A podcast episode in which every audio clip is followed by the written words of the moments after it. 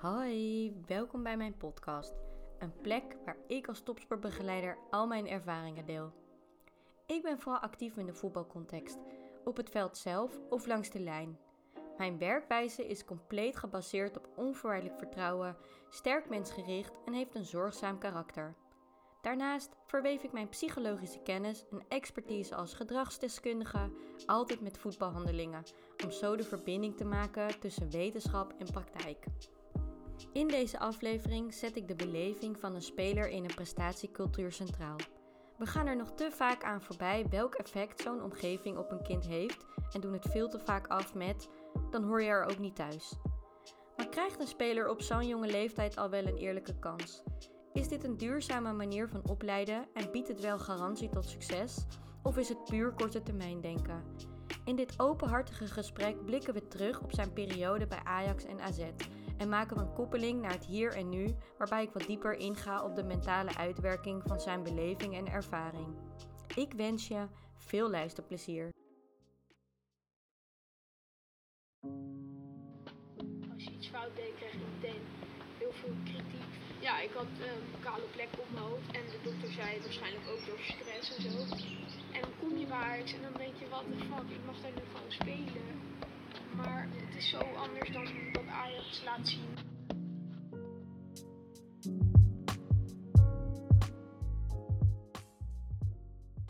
Ik ben 12 jaar en ik zit op de tweede openluchtschool. En dan?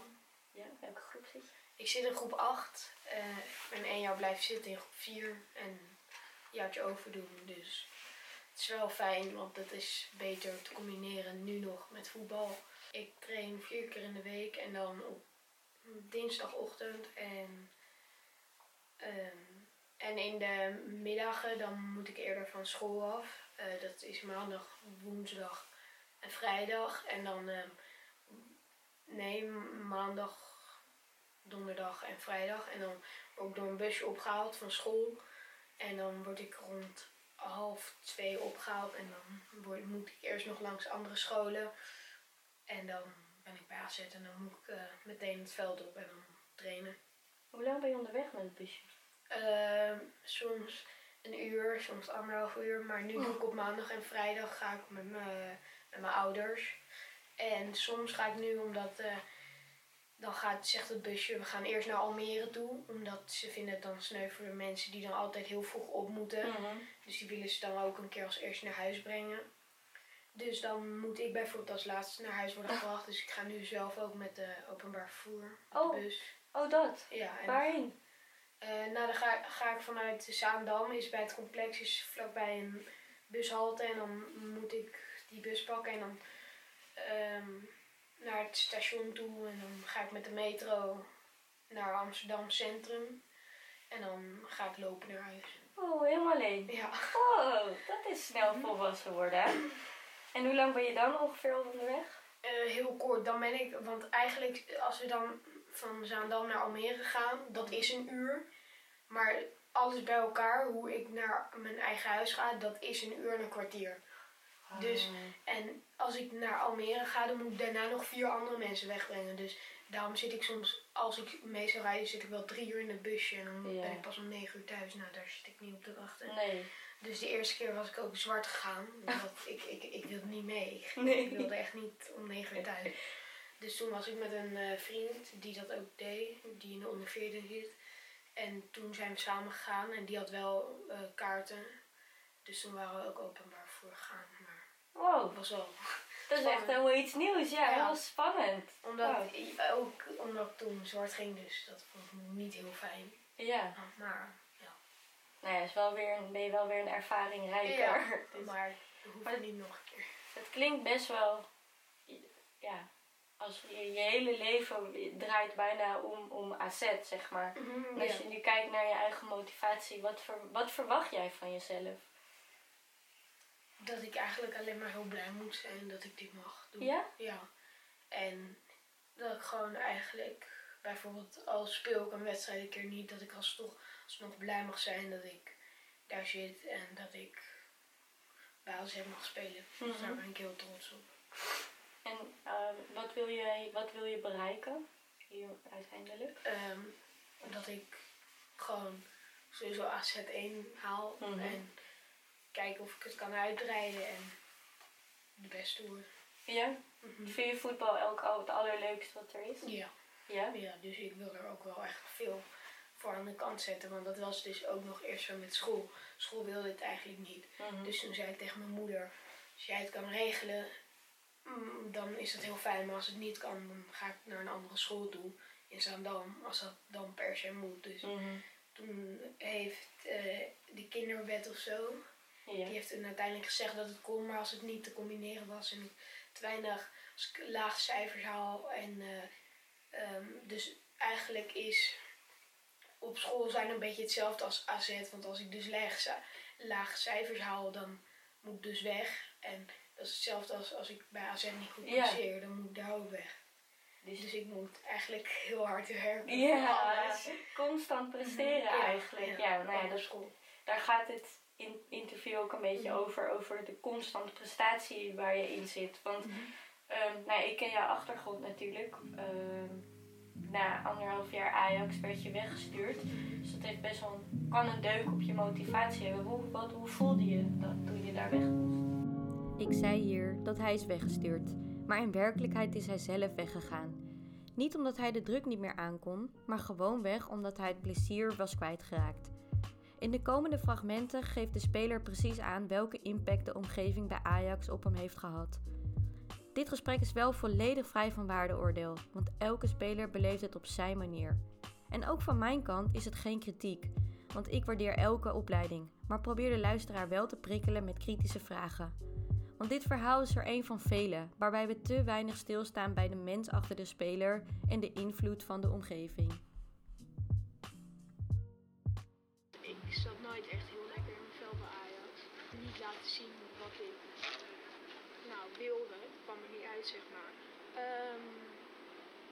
Denk gewoon meer dat ik, ja, ook dat ik niet durfde uit te blinken. Maar vaak was het zo dat als je iets fout deed, kreeg je meteen heel veel kritiek van je medespelers en ook wel van de trainers. Ik, ik zei vooral tegen mezelf, ga gewoon door. Maar uiteindelijk, weet je, dan, als ze dat steeds maar zeggen, dan bouw je niet echt iets op, zeg maar, dat je jezelf sterk kan maken. Zeker ook als, het dan, als dan zo'n wedstrijd dan gewoon niet loopt, dan is dat zwaar. Want en dat kritiek en een wedstrijd die niet lekker loopt en ehm, een trainer waarvan je weet die is niet tevreden, want je hebt niet goed gespeeld. Dus allemaal dingen bij elkaar en dat, ja, dat is gewoon alleen maar, daar wordt je zelfvertrouwen alleen maar minder van. Ze denken, ja, dit is Ajax, je, je hoort alleen maar goede dingen te doen. Want ik, ik vond het heel lastig om te zeggen, terwijl ik was er niet bang voor of zo en ik schaamde me er niet voor en zo. Want dat durf ik gewoon te zeggen, maar ik dacht meer, weet je, eh, boeien, maakt niet uit, het gaat wel weer weg. Want wat ik altijd zei, het komt wel goed. Deze jongen was uiteindelijk niet bang om zich te uiten en schaamde zich ook niet voor zijn gevoelens. Wel had hij er veel moeite mee om te delen dat hij zijn plezier verloren was, omdat hij voor zijn gevoel dankbaar moest zijn voor het feit dat hij in de opleiding van Ajax mocht spelen. Nu wist hij zich altijd goed uit te drukken en had hij alle steun vanuit huis. Maar dat geldt niet voor alle spelers. De druk van buitenaf kan veel invloed hebben op het zelfbeeld van jonge spelers. In hun ogen moeten ze zich dankbaar en bevoorrecht voelen en willen ze tegelijkertijd ook niet onderdoen voor anderen. Dit kan ervoor zorgen dat ze hun eigen hooggespannen verwachtingen niet bereiken, waardoor ze het gevoel krijgen dat ze hebben gefaald en in een neerwaartse spiraal terechtkomen. Dus stel jezelf allereerst de vraag: is dit de manier waarop we willen opleiden? Een cultuur van angst creëren waarin er geen fouten gemaakt mogen worden en kritiek op elkaar de boventoon voert? Welke rol wil je als opleider hebben in het ontwikkelingsproces van een speler? En maken we talent niet onnodig kapot zo? Want juist buiten de comfortzone gaan maakt dat spelers in staat zijn om weer te leren en te groeien.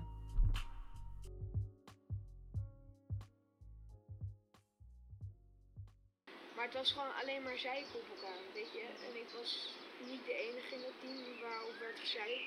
Ook vast nog andere jongens. Maar eh, nee, want die was nooit in de kleedkamer als iets zo gebeurde. En ja, volgens mij, ja, dat moet je misschien straks in het interview van mijn vader vragen. Want die, is ook, die heeft ook gebeld met de trainer dat het niet goed ging. Verdriet, ja, gewoon dat het niet leuk was. Ik denk uiteindelijk dat er iets in me zei. eh, ja, ik weet niet meer wat ik er tegen moet doen. Dat je gewoon op safe gaat spelen. Dus gewoon maar, eh, stel je kan een lange bal trappen, dan heb je 50% dat die aankomt. Of er staat recht voor je neus een speler die wel zelfvertrouwen heeft omdat hij niet gepakt wordt door het. Een soort van, eh, geef ik die maar de bal. Ja, nou dan kieste ik alleen maar voor die 100% ballen. En weet je, dat vind ik zelf niet leuk, maar dat moest wel een soort van. Ik zal een korte uitleg geven aan de hand van het comfortzone-model wat er gebeurt met een speler die zo'n proces zoals deze jongen ingaat. In dat model kom je als speler in drie fases terecht: de comfortzone, de angstzone, de leerzone en tot slot de groeizone. Aan dit proces wordt vaak voorbij gegaan, dus hoe kan je dat herkennen? Talent. Dat is voor veel jongens een startpunt en met de juiste inzet en strategie komen zij terecht in een groeiproces. Dat begint vaak in de comfortzone, bij de eigen club, in een vertrouwde omgeving, waar jonge spelers vaak een van de betere zijn en worden bestempeld als zeer talentvol. Vervolgens vertrekt de speler met allerlei verwachtingen vanuit de omgeving en van zichzelf. Hij verlaat zijn comfortzone en wil het liefst zo snel mogelijk naar de groeizone, waar hij nieuwe doelen wil bereiken en elke dag bezig is om zijn droom te verwezenlijken. Maar hij wordt in dat proces ineens geconfronteerd met een nieuwe uitdaging. Voordat hij in de groeizone komt, gaat hij meestal eerst nog door de angst- en leerzone. Ieder doet het op zijn eigen tempo. In de angstzone kan hij net zoals de speler uit het interview weinig zelfvertrouwen ervaren, een laag zelfbeeld krijgen, bang zijn om fouten te maken en gebrek aan verbinding met teamgenoten voelen. De speler kan zich in de angstzone laten leiden door onzekerheid, twijfel en ongemak, terwijl we hem in dat groeiproces liever in de leerzone zien om echt stappen te maken. Want wat heeft hij daaraan om op alles op safe te spelen en als hij geen fouten durft te maken? Het is goed om te beseffen dat het najagen van dromen en doelen voor deze spelers naast de fysieke inspanning een emotionele achtbaan kan zijn en er allerlei gevoelens bovendrijven, variërend van opwinding over de mogelijkheden tot frustraties over obstakels die zij tegenkomen. Juist de angst om slecht te presteren kan veel invloed hebben op hun keuzes en handelen in het veld en verhinderen dat ze vooruit gaan. In dit geval was er misschien geen ruimte om te groeien wat betreft de voetbalvaardigheden, omdat deze speler te lang bleef zitten in de angstzone. Maar was hij uiteindelijk sterk genoeg om zijn grens aan te geven en te kiezen voor een andere omgeving? Jij wilde zelf van weg bij Ajax. Ja, ehm, nou uiteindelijk was ik er zo klaar mee. En eigenlijk mijn ouders ook. Dat ik zei van mijn moeder die wel eens de vraag stelde. Heb je, heb je wel plezier?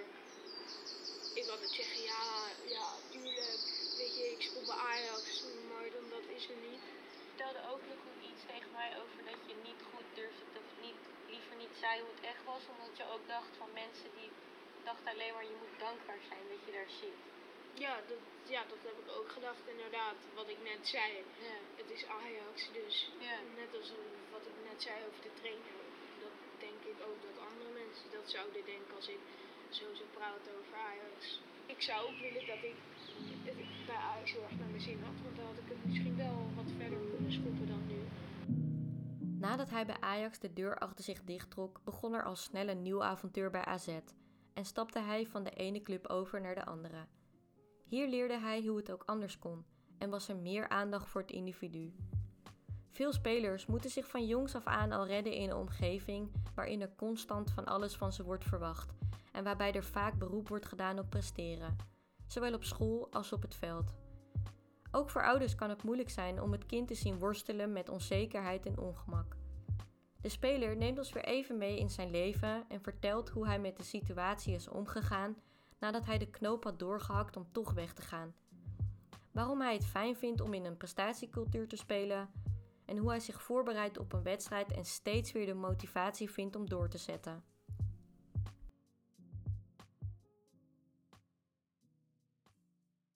je hebt je plezier uiteindelijk weer, Ja. weer teruggevonden. En wat, wat op het moment dat, dat je het niet zag zitten, wat deed je toen als het, te- toen het tegen zat? Wat, wat, deed je, wat, wat deed je voor jezelf?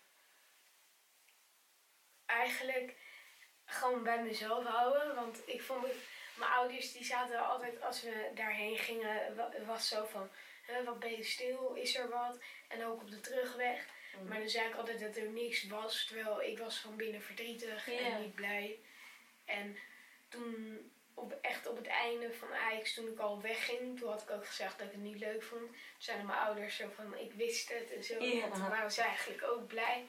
Want zij waren van binnen ook zo van, wat is er nou? Want dat Ja. vind ik ook vervelend, want ze willen gewoon weten wat er is. Mhm. Wat ik begrijp, want als iemand er niet blij uitziet en je vraagt wat er is en diegene geeft steeds maar antwoord van er is niks, terwijl je weet dat er wat is, is Ja. gewoon vervelend. Vond je het moeilijk om het te zeggen? Dat je Eh, het op het vond? einde niet. Ik, ik, ik zei het eerst tegen mijn moeder en daarna tegen mijn vader. En toen was het eigenlijk zo van, vonden zij het heel fijn. Zeiden zij alleen maar zo van, ik ben blij en we gaan wat nieuws zoeken en zorgen dat je weer naar je zin krijgt. Ja. Dus dat was voor mij ook fijn dat zij dan zo blij waren. Want Ja. anders ja, was het gewoon. Dus dat was heel fijn dat ik daar aan kon uitleggen. Ja, dat je het dan kon manier, uiten. ja. Want wat vond je zo moeilijk om te vertellen?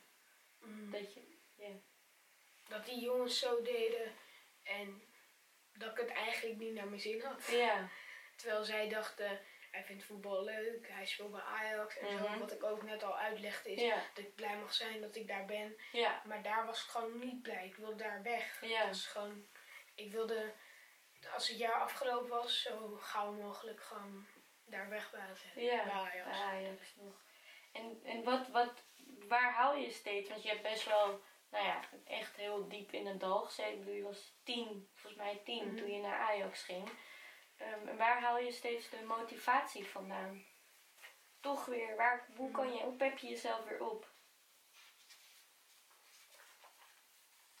Door eerlijk ook tegen mezelf te zijn en ook tegen mijn moeder vooral. Ook tegen mijn vader. Mijn moeder Ja. die is iets meer met mij, mijn vader met mijn zus. Gewoon qua sport. Ja. Dus gewoon alleen maar zeggen wat ik leuk vind en niet leuk vind. En als er iets niet leuk is, dan doen we er wat aan. Als het wel leuk is, dan zijn we blij met elkaar. Ja. Dus gewoon alleen maar denken als het niet leuk is, ga je weg. En dan doe je wat je wel leuk vindt. Ja. Nou ja, dat is wel knap dat je dus vooral eerlijk zijn naar jezelf en Ja. steun vanuit huis. Dat je heel erg fijn vindt. Hoe, hoe bereid je je voor op een wedstrijd? Wat, Mm. bij AZ? Bij AZ gewoon eh, met die jongens praten en gewoon eigenlijk alleen maar zeggen dat we ze gaan kapot maken en zo. dat geeft je alleen maar meer zelfvertrouwen. Om ze ook echt te slopen. Ja. Ehm, dus nu ook vandaag tegen Ajax was het zo.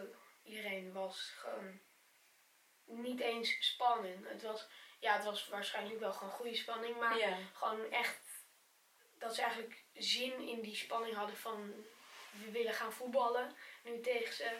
En dan als je dan bezig bent, dus dan ga je eerst nog in de kleedkamer visualiseren. En dat is dat je dan Mhm. je gaat inbeelden hoe je gaat spelen of hoe, wat je gaat doen. En als, het, als je dan slecht visualiseert, dus dat je niet goede dingen ziet, dan maak je jezelf weer een soort van wakker. Maar dan ga je die goede dingen proberen, net zolang totdat het lukt. Dus, en dan uiteindelijk ehm, ga je naar buiten en dan ga je inspelen. Dan, ja.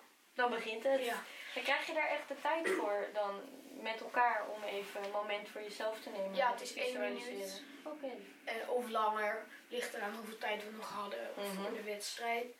Maar ehm, iedereen kan zich wel gewoon goed visualiseren. Want het is best moeilijk om Ja. foute dingen voor je te zien. Dat kan eigenlijk bijna niet. Oh, nou, Ja. ik weet niet of het kan, ik heb het nog nooit gehad. Er- ervaar je wel eens stress of spanning? dat, je, dat je denkt, oh, dit voelt niet lekker. Voor een wedstrijd. Ja. Ehm, niet dat het niet lekker voelt, maar wel gewoon soms echt, echt spanning. Dat ik echt denk. Maar als ik dan bezig ben, het is net alsof je voor een heel, hele grote zaal Ja. met mensen iets moet gaan vertellen. en dan eh, ben je daarvoor ben je helemaal aan het trillen en zo. Nou, niet, Mhm. dan ben je wel aan het trillen, maar bij voetbal niet heel echt eigenlijk. Dus gewoon goede spanning, denk ik. En, maar dan ben je ook zo van, hoe, hoe dit, voorzichtig en zo. Ja.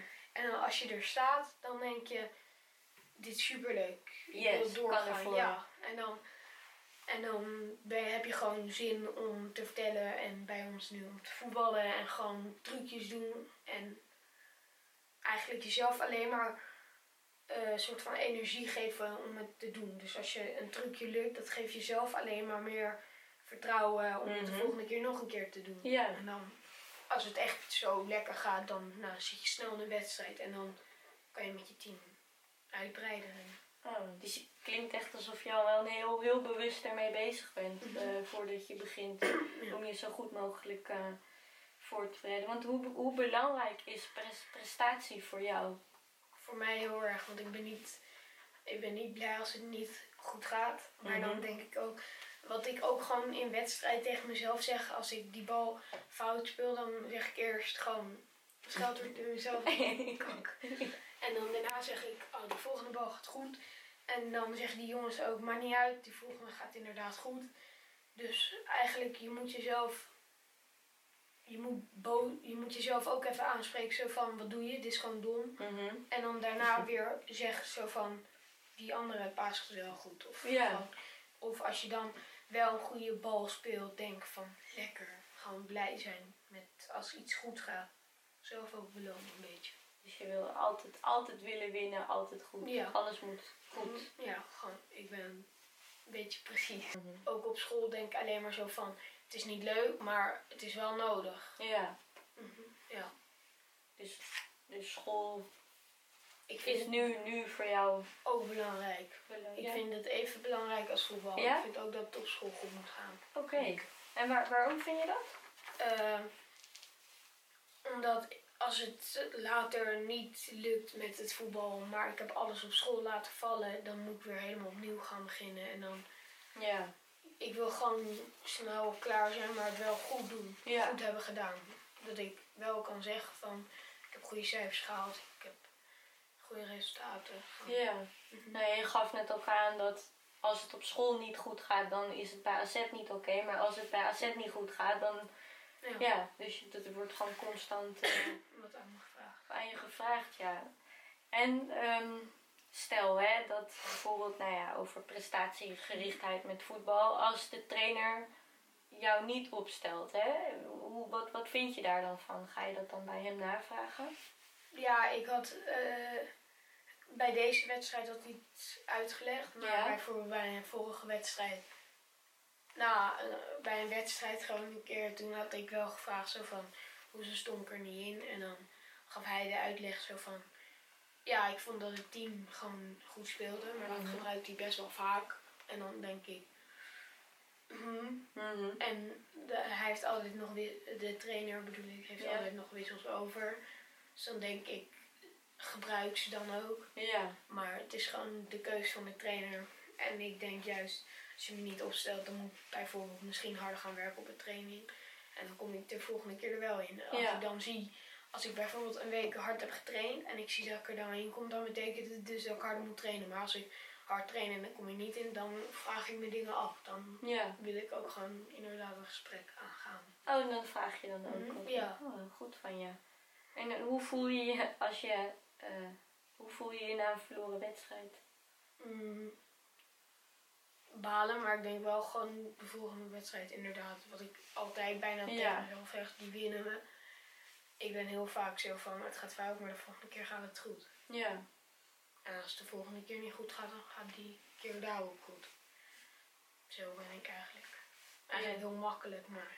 Je kan het een beetje Het van je, wel. van je af laten Ja. glijden allemaal. Als je kijkt naar ehm, de begeleiding die je krijgt vanuit Mhm. huis, vanuit school, eh, vanuit eh, AZ.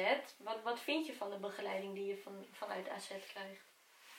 Heel goed, ze proberen je gewoon te helpen. Ja. Maar ze vinden sowieso ook, je komt nu op een leeftijd dat je gewoon zelf ook dingen moet gaan uitvinden. En zelf Mhm. moet gaan zien en voelen wat wel goed is en wat niet goed is. Ja, En als je dingen probeert, dan willen ze je ook gaan helpen. Maar als jij niet probeert, maar je gaat wel steeds vragen, dan denken ze, ga nou eerst maar iets proberen. ja, En als wij zien dat jij aan het proberen bent, dan willen wij jou uitleggen wat je misschien beter kan doen en wat je wel goed doet. Oké. En ja, dat vind Werkt ik eigenlijk... voor jou? Bij mij werkt het wel, maar ik heb soms ook dat ze. eh, Bij mij wordt er nu niet heel vaak gezegd dat ik, als ik iets niet goed doe, maar ik heb ook dat ze dat ik wil dat er wordt, gewoon tegen me wordt gezegd dat moet beter, dat is Ja. niet goed. Als het op school niet goed gaat, dan zeggen ze het. En als het op voetbal niet goed gaat, dan niet echt per se. Want ze vinden gewoon voetbal, wat ik al zeg, ze willen plezier. Ze willen dat ik het fijn heb. Ja. Ze willen gewoon dat ik gelukkig ben. En als ik dat niet ben, dan gaan we naar iets waar ik wel gelukkig ben. Dus Ja. dat ik al eerder zijn. Ja, dus ze denken heel erg met jou, met je mee. Ja. Inmiddels zijn we bijna twee jaar verder en blikken we terug op de jaren bij Ajax en AZ. Het is allemaal zo snel gegaan. Van nog nooit in een selectieteam te hebben gespeeld, wilde ineens heel Nederland hem hebben en belandde hij binnen een paar maanden tijd in de jeugdopleiding van Ajax. Wat voor impact had het allemaal op hem? Hoe kijkt hij daarop terug? En welke raad heeft hij voor andere spelers, ouders en trainers? En wat heeft hij het meest geleerd en neemt hij nu mee naar de toekomst?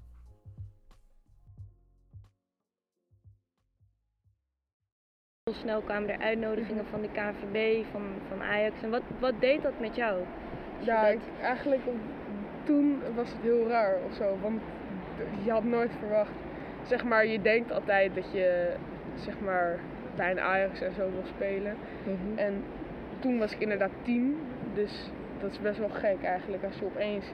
Want het was niet alleen Ajax, maar het was ook ehm, AZ en zo en Utrecht. Dus was best wel raar. Dus je kon gewoon, ja. Je kon zelf kiezen eigenlijk waar je stage wilde lopen. En ik dacht meteen natuurlijk Ajax. Ja, Dus dat was wel heel eh, leuk. Ja. ja. ja, dat is wel inderdaad een mooi, toch een mooi compliment ook Ja, dat dat zo snel zeker. ging. Mhm. En als je nu een tip mag geven aan deze jongens die, uit, die in dezelfde situatie komen, wat zou jij ze aanraden? Jij bent een beetje de expert, het komt veel op je af. Wat zou jij iemand aanraden, of ook ouders die dit eventueel zien, van hoe- wat zij het best voor hun kind kunnen doen? Als je naar profclub willen. Ja, ja als Ja. ze in zo'n situatie komen. Mhm. Ja, dat verschilt eigenlijk denk ik heel erg. Het is gewoon waar je, bij welke club je echt fijn voelt gewoon. En eh, wat, je, wat je het liefste wil, daar moet je dan gewoon voor gaan. En ik had op dat moment Ajax. ehm, maar ja, uiteindelijk had ik het daar niet heel erg naar mijn zin. Ehm, bij AZ wel. En dat is jammer dat ik daar maar een jaar ehm, gevoetbald heb. Je zei bij Ajax ben je niet heel blij. Wat zou je bijvoorbeeld die jongens aanraden als die bijvoorbeeld in een situatie zitten en je bent niet helemaal gelukkig daar zo? Wat zou jij hun kunnen adviseren daarin? Ja, dat vind ik eigenlijk nog steeds lastig. Ik zou Ja? ja, ik weet het eigenlijk niet. Want op zo'n moment, je speelt best wel veel inderdaad. Want je speelt bij de grootste club van Nederland. Ja, Ehm, je wil daar natuurlijk het liefst gewoon blijven voetballen. Al Ja. vind je het niet. Ja, het is best wel gek eigenlijk. Omdat Ja. het Ajax is, denk je gewoon. ehm, ik wil daar blijven spelen. Al vind ik het niet super leuk of zo. Ehm, dus dat vind ik ja. ja, lastig. maar wat had je tegen jezelf willen zeggen? hè? Het niet te betekenen dat je Ehm. op weg wilde, maar wat, zou je, wat had je destijds tegen jezelf willen zeggen? Ja, weet ik eigenlijk niet. Nee? Want ik was echt Ja, Ik was best wel jong. En Ja. gewoon, je verwacht niet dat het zo gaat, weet je wel? Nee. En dat het zo anders is dan bijvoorbeeld bij een buitenvelder. Ja. Ehm, dus ja, dat vind ik nog steeds eigenlijk vind ik het best raar wat daar Ja. allemaal speelde. Wat had je van Ajax nodig gehad daarin? Ehm, ja, gewoon dat de trainers misschien wat beter op moesten letten. En gewoon, ja, ik weet niet, wat meer een team ervan maken. Je kan dingen niet terugdraaien en ik geloof zelf ook dat het was misschien niet je leukste tijd, maar misschien wel je meest leerzame tijd. Ja, dat denk ik wel. Ja, ik heb er wel, ben er wel harder door geworden en gewoon, ja, ik heb wel veel geleerd daar. Het is niet dat ik daar niks aan heb gehad. Zeg Ja. maar. Dus, Wat heeft die periode je het meest geleerd?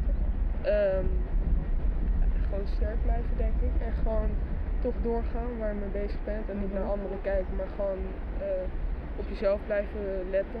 Ja, dat eigenlijk. Ja. Gewoon jezelf weer laten zien aan profclubs, Ja. denk ik. ja, dat is toch nog wat je wil? Ja, zeker. ergens? Ja? Ja. En ik denk nu ook niet dat het uitmaakt eh, of het eh, bij een Pek is wat ergens heel ergens anders ligt. Ja. En, vind ik het erg om de gast te zien of zo. Nee. Nee. nee, je bent alweer wat verder en je hebt best wel veel in je rugzak. eh. Ja, zeker. Gestopt Daarom, je- dat is wel fijn. Dat je niet, Ja, zeg maar, stel je gaat nu weer naar zo'n andere club. Dat je niet eh, helemaal nieuw erin stapt. Nee. Dat, dat je weer, dat je moet wennen aan die wereld hoe Nee. het is. Want je weet nu hoe het eh, gaat en wat je moet doen. Ja. Dus dat is wel heel erg fijn. ja, het is echt bijna gesneden koek voor jou. Ja, nou je moet zelf altijd nog goed blijven trainen. Ja, tuurlijk. Ik weet wel hoe het Je gaat. weet hoe het gaat, ja. dat is wel heel erg fijn. Ja. Ehm, ik denk wel de tijd tot bij Ajax. Ja, ja. Dat het gewoon niet allemaal mee zat. En eh, dat was denk ik het moeilijkste moment voor mij. Ja. Wat zou je tegen jezelf willen zeggen? Dat jongetje dat op dit veld dus lekker bij de onder 11 aan het voetballen was. Die ineens, waar die profwereld ineens aan zat te trekken. Wat zou je tegen dat jongetje willen zeggen? Dat ik niet zo snel denk ik mijn keuze had moeten maken. Ehm, want het ging echt heel erg snel. Het was echt binnen een week zat je al eigenlijk was je weg soort van. En ik had meteen al besloten dat ik naar Ajax wilde. En het was ook nog zo dat AZ zei, ja, als je nu komt dan mag je gewoon nu bij ons spelen. Dus het was wel, ik denk dat ik toch liever bij AZ had begonnen. Maar ja, dat zeg je nu achteraf. Dus. Ja. Je hebt hem al mooi in je zak gestoken Mhm. wat je hebt meegemaakt. Nou, ja, wat je net al aangaf, je, je, weet ook nooit wat je beter had kunnen doen. Je hebt gewoon Ja. gehandeld zoals je hebt gehandeld. En volgens mij heb je heel goed gehandeld. Mhm. En altijd wel mensen om je heen gehad Ja. die je daar, eh papa en mama, die je daarbij geholpen hebben. Ja, je moet eigenlijk gewoon plezier blijven houden. En dan, zeg maar, als je gewoon elke dag blij naar zo'n club kan komen en gewoon, ja, dan, dan zit het eigenlijk wel goed volgens mij. Als je gewoon elke dag hard wilt trainen. Deze gesprekken gaven een inkijkje wat een speler ervaart nadat hij van de ene BVO weggaat met een aangetast zelfvertrouwen en onmiddellijk wordt opgepikt door een andere BVO. En dit verhaal komt geregeld voor. Vaak zien clubs de externe kwaliteiten van een speler, maar wordt er voorbij gegaan aan zijn interne blokkades. Het talent zit er, want de voeten doen het wel. Maar als er niet wordt gewerkt aan de mentale bagage, draagt een speler dat nog altijd met zich mee. Het bieden van een veilige en stimulerende omgeving is dan niet meer genoeg. Want zolang de onzekerheid niet is weggenomen, zal het altijd een hobbel in het ontwikkelingsproces zijn. En daar valt in een prestatiecultuur nog veel meer uit te halen. In een andere podcast zal ik nog verder ingaan op de manier waarop je zulke spelers meer hulp kan bieden en kan ondersteunen in de angstzone. Voor nu, bedankt voor het luisteren en hopelijk heb je er weer iets uit opgestoken. Bye!